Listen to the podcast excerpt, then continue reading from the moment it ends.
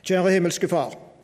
Vi vil takke deg for at du har møtt oss i ditt ord og ved, ved sang allerede nå, og eh, møtt oss ved det at vi har fått hatt dåp. Og så vil vi òg be for eh, alt ditt rikes arbeid, både dette som vi er samla om her nå i denne forsamling, dette som vi nevnte i Spania, og det kristne i ulike sammenhenger, og så vet du òg om dette som blir tatt opp med tanke på TV. Vi ber òg for det. Og så ber vi himmelske Far om at du nå tar oss i dine hender, Gud, og steller med oss slik som du hadde tenkt når du samler oss her nå. Vi ber om åpenbaringsånd, slik at ditt ord blir levende for våre hjerter, til gang for oss og til ære for ditt navn. Amen. Eh, det er jo ei ære forresten at TV stiller her, og det er flott at det er en i forsamlingen som blir, blir fokusert på. Eh, denne teksten som er preiketekst i dag, er jo en veldig kjent tekst. Det er om Martha og Maria, som vi leser om i Lukas evangeliet i kapittel 10, vers 38-42. Medan de var på vei, kom han inn i en landsby, og ei kvinne som het Martha, tok imot han i huset sitt. Hun hadde ei søster som het Maria. Hun satte seg, sette seg ved Jesu føtter og lydde på ordet hans. Men Martha hadde det ansomt med alt det som skulle stelles i stand.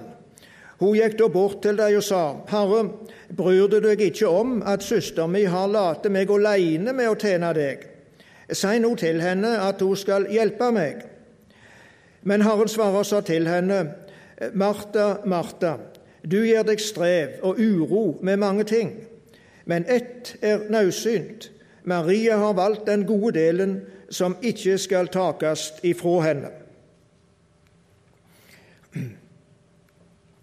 Eh, min mor hun heter Martha. og Hun var ikke alltid fornøyd med utleggelsene av denne teksten eh, når hun var på bedehuset. Eh, hun syntes til tider Martha kom svært så dårlig ut. Og Det går en historie om en radikal predikant nede i, nede i Ryfylke, om historien sann eller dikta, vet jeg ikke. Men når han hadde lagt ut om denne teksten, og eh, Martha kom da altså ikke så godt ut Vi var opptatt med alle ting. Og når de kom hjem der han bodde om kveld etterpå, så ble det ikke stelt til noen kveldsmat. Eh, kona i huset hun satte seg med Bibel eh, og les. Og dette syntes han var merkelig at de ikke skulle få kveldsmat. Nei, sa hun, hun var opptatt med den gode del og så Den skulle ingen tas ifra, ta fra henne, så det fikk de ordne med sjøl. Eh, så somme tider kan jo dette med, med, tjenesten egentlig bli sett opp i forhold til det som man på en måte som man ikke skulle. Når denne teksten var satt opp i dag her, så var det samtidig gitt noen stikkord. Jesu tjeneste, den rette prioritering.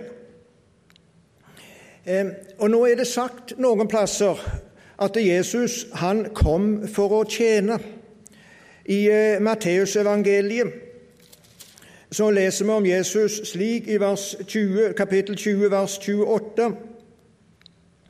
Liksom menneskesonen ikke er kommet for å la seg tjene, men for sjøl å tjene og gi livet sitt til en løsepenge for mange. Jesu tjeneste er altså nokså spesiell ja, ikke bare nokså spesielle, men helt spesielle, ved at han er kommet for å tjene på det viset at han gir livet sitt til løsepenger. Jesu tjeneste. I eh, denne hymnen som er om Jesus i Filipperbrevet, eh, der i kapittel 2, eh, der leser vi jo slik om om Jesus og om hans tjeneste. At han ga avkall på det som hørte det var i himmel til, og tok en tjeners skapnad på seg da han kom og ble menneskelik, og han i sin ferd var funnet som et menneske. Fornedra han seg sjøl og ble lydig til døden, ja, til døden på krossen.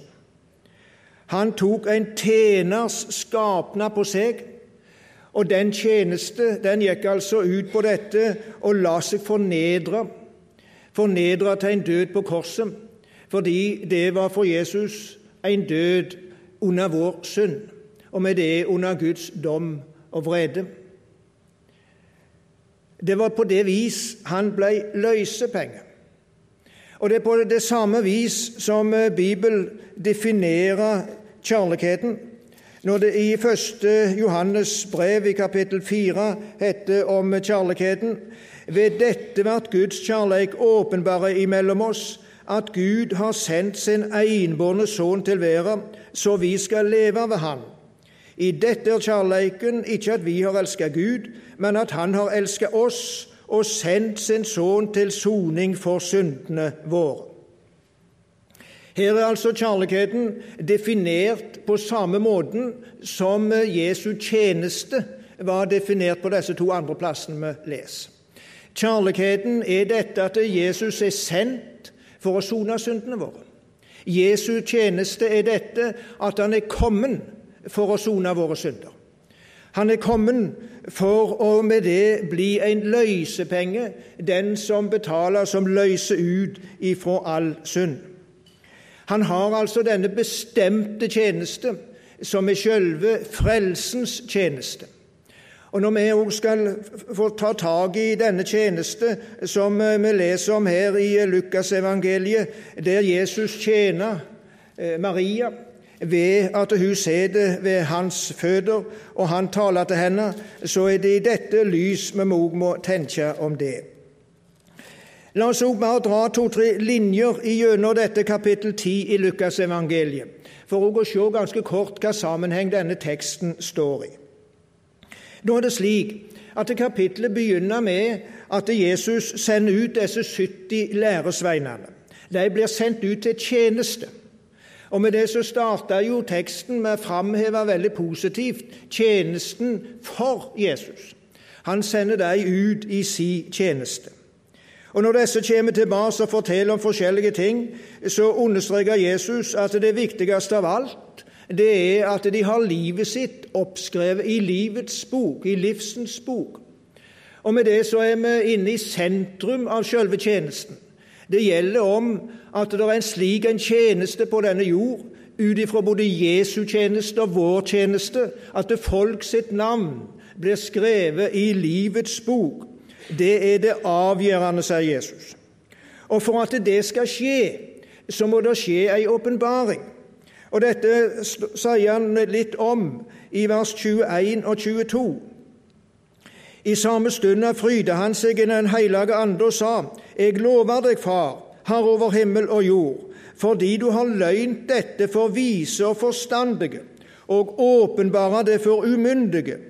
Ja, far, for såleis hende det som var til hugna for deg. Far min har overgivet alt til meg.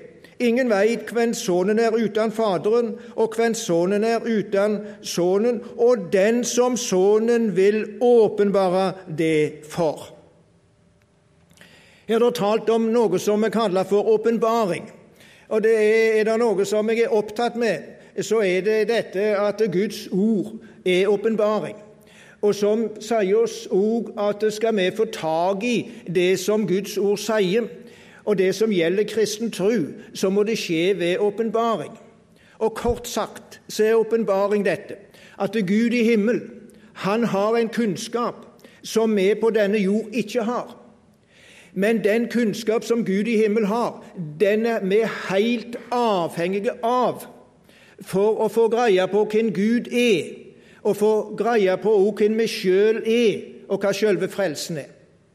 Og så skjer det at den kunnskap som er i himmel, som vi trenger, men som vi ikke har, og som vi heller ikke er i stand til å finne fram til sjøl, den gir Gud ifra sin himmel ned på vår jord ved profeter og apostler. Og i særlig grad ved Jesu komme til vår jord. Det er åpenbaring. En kunnskap som blir gitt ifra himmel ned på vår jord ved profeter og apostler. Og Så sier Jesus her at han sier at han priser sin far sier han for å ha skjult dette for vise og forstandige. Eh, det betyr ikke at det er en kunnskap som blir skjult for folk som har mye kunnskap. Da ville jo, eh, ville jo en del også i denne forsamling hatt et problem med all sin lærdom. Men det er ikke den type at en har så mye vanlig kunnskap som er problemet. Men problemet vil være om en baserer seg bare på kunnskap en kan hente ut ifra seg sjøl, eller som en bare kan hente ut ifra denne jord. Da har en et problem. Ikke bare et problem, men da er en i en umulig situasjon. Men, sa Jesus, han har åpenbart det for umyndige. Det betyr ikke at Jesus har åpenbart det for folk som er dumme, eller for folk som, eh, som har liten kunnskap, eller som det er lite med. Men en umyndig, det er en som er avhengig av en annen. Det sier ingenting om vedkommende sin intelligens eller status på noe som helst vis utenom dette, at den umyndige er avhengig av en annen. Og så sier Jesus han har åpenbarte for umyndige. Han har med det åpenbarte for den som er avhengig av Gud og Hans ord. Og det skjer, den åpenbaring, når en da er avhengig av dette å sitte ved Jesu føtter. Så blir det i denne, denne, dette kapittelet også spurt om noe av dette hvordan vi skal arve evig liv. Og det er da sagt, det er ved å elske Gud. Og Så ble det gitt òg denne samaritans fortellingen om den, den gode samaritan som et, et, eksempel på det. Det å elske Gud og å elske sin neste. Men så er det akkurat som Jesus svarer på dette spørsmålet om hvordan vi skal arve evig liv, på en helt spesiell måte. Ved at han tar oss med inn i denne heimen der eh, borte i Betania. Det står at de var på vei til Jerusalem. Eller de var på vei, står det, og så er det nok, de var nok på vei til Jerusalem. Og så tok de inn ikke Martha og Maria og Lasarus, som han ikke nevnte her, men han hadde jo til i samme, i samme heimen. Og så heter det om, når han kommer der, at medan de var på vei, kom han inn i en landsby, og ei kvinne som heter Martha, tok imot han i huset sitt. Det er jo et veldig flott trekk ved Martha, dette at hun tar imot Jesus der i huset. Men så heter det om denne Martha Men Martha hadde det når det står nå først at hun var søster, hadde en søster som het Maria, men så står det om denne Martha. Men Martha hadde det ansomt, altså travelt, med alt som skulle stelles i stand. Hun gikk da bort til deg og sa, Herre, bryr du deg ikke om søster, om at søster mi let meg aleine med å tjene deg? Si nå til henne at hun skal hjelpe meg. Og Det er da Jesus svarer, men Herren svarer så til henne, Martha, Martha, du gjev deg strev og uro med mange ting. Hun har det travelt, altså, Martha. Og i utgangspunktet har du det travelt med gode ting, med det som er rett. Hun har det travelt med å stelle godt til der i heimen og særlig med tanke på at eh, Jesus skal ha det greit der i heimen. Det virker som at hun midt oppi dette er litt irritert på, eh, på Maria, og kanskje også på Jesus, som eh, lar henne streve med disse ting sjøl, fordi hun har det for travelt. Eh, og faktisk er det slik somme tider at vi kan kjenne oss igjen noen hver, særlig når vi sitter med ansvar i den kristne forsamling og sitter med i styresammenhenger og med forskjellige typer ansvar og synes vi har det travelt, og så spør vi folk, og så får vi nei. Og så blir vi litt irriterte eh, på alle disse som vi syntes kunne prioritere litt annerledes og bruke noe mer tid på det vi synes er viktig. Og det er sikkert til tider òg rett at de kunne gjøre. Men Jesus han føyer samtidig til om Maria, vet vi. Men ett er nødsynt. Maria har valgt den gode delen som ikke skal takes ifra henne. Det er altså noe som Jesus omtaler som nødvendig og som med det ikke skal tas ifra henne når hun har funnet den plassen der dette nødvendige er. Det er den gode del, og det er å være ved Jesu føder. Hvorfor er denne plassen ved Jesu føder den gode del, det som er nødvendig det som ikke må tas ifra henne? Jo, fordi dette er sjølve åpenbaringsplassen. Det er den plassen der Jesus gjør sin åpenbare gjerning ved Den hellige ånd inn i våre hjerter. Han sa tidligere, altså Jesus, at ting var, var, var skjult for de som prøvde å lære Gud å kjenne ut ifra sine egne forutsetninger og ut ifra det som er forutsetninger på denne jord. Fordi det som gjelder å lære Gud å kjenne, lære Faderen og Sønnen å kjenne, det er avhengig av åpenbaring. Og denne Maria hun hadde altså funnet denne plass på denne jord, der åpenbaring skjer, nemlig ved Jesu føder. Og disse Jesu føder, eller denne åpenbaringsplass, det er i dag ved ordets føder, om vi kan si det slik. Ordet er Jesus, og det er der en er innenfor dette ordet, Guds ord. En i dag er ved Jesu føtter. Det er der en er på den plass der Jesus gjør sin åpenbare gjerning, som vi er helt avhengige av. Og Det er derfor òg vi kaller Guds ord for et nådemiddel. Og Særlig i den lutherske kristendomsforståelse så er dette med nådemidler veldig viktig. Fordi altså disse nådemidler de formidler det som Gud i himmelen har, inn i våre hjerter. De formidler selve frelsen som er utenfor oss men som vi trenger, og som vi ikke er i stand til å hente inn sjøl, de formidles inn i våre hjerter ved nådemidler. Guds ord er et slikt nådemiddel som åpenbarer frelsen for oss. Og med det overbevise oss om at vi trenger frelsen, fordi den åpenbarer òg vårt eget frelsesbehov ved vår synd. Og så den åpenbarer den Kristus for oss, slik at vi ser frelsen. Og med det så er dette åpenbaringsordet et slik et nådemiddel som formidler frelsen inn i våre liv. Og det er bare ved disse nådemiddel vi kan få frelsen formidla inn i våre liv. Derfor er altså denne plassen ved Jesu føtter så helt avgjørende, der vi altså er under ordets forkynnelse, der vi er i den kristne forsamling, der vi har våre andagsstunder og leser og grunner på Guds ord. Martha hun drog seg altså unna denne plassen i dette tilfellet. Hun ble, og, det være, og det er det som er noe av poenget her. Hun gjorde egentlig ikke noe galt i, seg sjøl, men det fungerte på en slik måte at hun ikke fant plassen ved Jesu føtter. Og så kan vi jo spørre oss hva er det som hindrer oss i dag i å finne denne plassen ved Jesu føtter? Hva er det som gjør at vi så lett drar oss vekk ifra den plassen?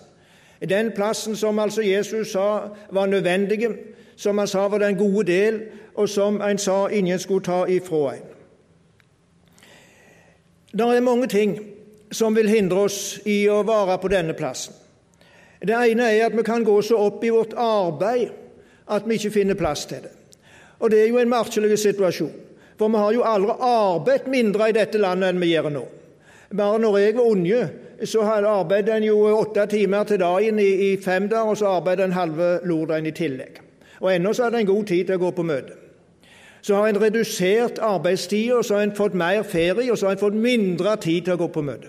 Det er en merkelig situasjon.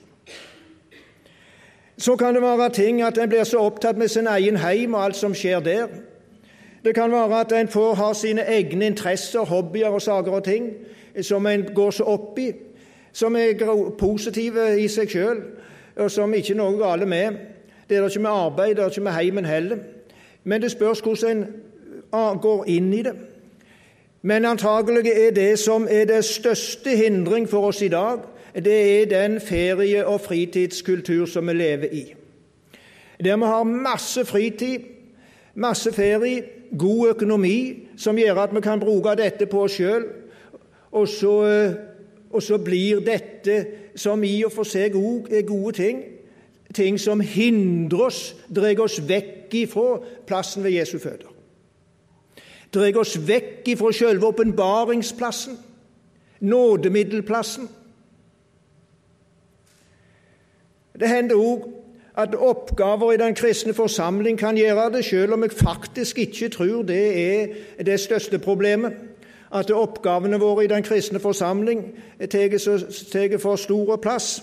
Men dersom alle disse andre ting på forhånd har tatt store plass, så kan det jo bli at når vi så er i den kristne forsamling, så går det som har tid til der, til tjeneste.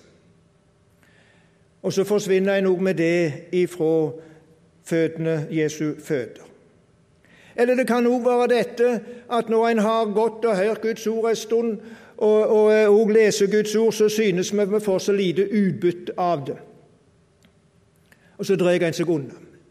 Slutta det av fordi det ble ikke noe ut av det, liksom.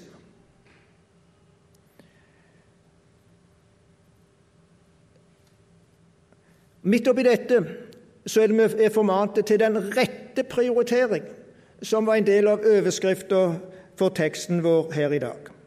Den rette prioritering der en altså lar seg tjene av Jesus først. Den rette prioritering der en finner plass i livet, finner plass i hverdagen til det nødvendige.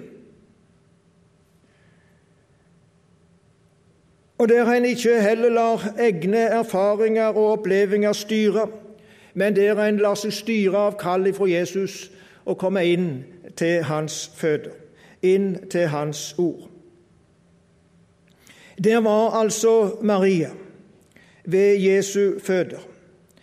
Der lytta en til det Jesus har å si. En lytta til ordet. Og hva er det Jesus taler til oss om der når han får oss inn ved sine føtter? Jo, der taler han om mange ting. Han taler til oss der når vi ser det ved Hans ord og ved Hans føtter. Da taler han til oss om oss sjøl. Han prøver å forklare oss, åpenbare for oss, hvem vi er som mennesker. Da taler han til oss om at vi er skapt i Guds bilde. Og med det så taler han til oss om og sier du er et evighetsvesen. Du vil aldri forgå. Du er i mitt bilde, jeg som er evige. Evigheten er lagt ned i ditt hjerte, sier han til oss.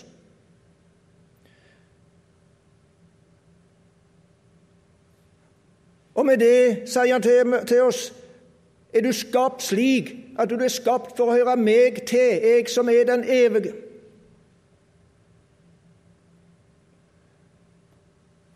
Men så taler han òg til oss og sier, du som slik er skapt som et evighetsvesen i mitt bilde, du falt i synd. Og med det så kom du vekk ifra samfunnet med meg og går evig fortapt om du ikke på nytt kommer inn i samfunn med meg. Han taler altså der både om dette at vi er skapt i Guds bilde, og med det skapte for å leve med Gud evig. Men han taler også altså til oss om at vi falt i synd, og med det har et frelsesbehov. Og nettopp siden vi er skapt i Guds bilde, så er det et voldsomt frelsesbehov, for det står om evigheten. Det taler han til oss om når han får oss inn for sitt ansikt.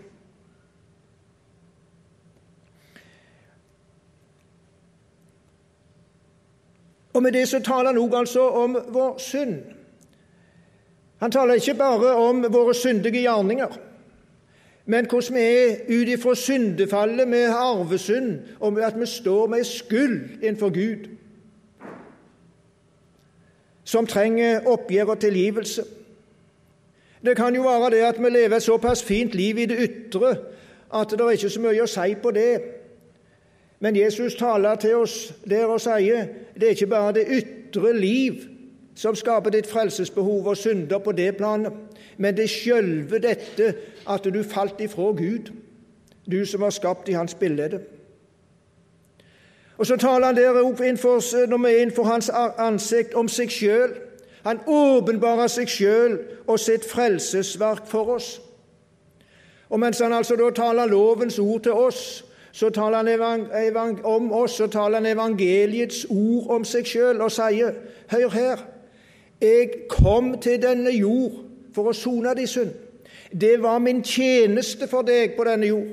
Jeg tok en tjenerskikkelse på meg, jeg, og kom og lot meg fornedre idet jeg ble et menneske, men ikke bare ble et menneske, men fikk pålagt all de synd og all verdens synd og bar den opp på et kors og døde idet Guds dom og vrede ramma meg. Det taler han om når vi kommer inn for Jesu føtter. Han taler evangeliet inn i våre hjerter. Og så taler han med det òg om vår frelse og vårt barnekår, og sier oss at du får være et Guds barn for Jesus skyld, for min skyld. Du, får, du er ikke et Guds barn ut ifra at du gjør så store erfaringer og opplevelser nødvendigvis i kristenlivet eller fordi det lukkes for deg i kristenlivet, eller fordi du òg står og så, gjør så et godt, godt, arbeid i den kristne forsamling. Men du får være et Guds barn for min skyld. Det eneste som det står og feller på, er at du eier meg i ditt hjerte. Og så åpenbarer han seg for oss på en slik en måte at vi får tillit til han og tror han og eier Han som vår frelser, og med det eier barnekåret. Dette er åpenbaring som skjer ved Guds ord når Jesus får oss for sine føtter, og han taler til oss. Og det er på den eneste måten vi kan få dette forklart for oss slik at vi tror det. Så taler han der òg om det kristne livet, og han taler om den kristne tjeneste. Skal du og meg få tjene rett i den kristne forsamling, så er det avhengig av dette at Jesus fortjener oss først. Og Når det heter også i Efeserbrevet at Gud har sett ulike nådegaver i den kristne forsamling, så heter det at han har sett disse for at han med det skal dyktiggjøre, utruste de hellige til tjeneste. Så du som har tjenester i den kristne forsamling, skal du tjene rett, så må du være ved Jesu føtter slik at han får utrusta deg til tjeneste.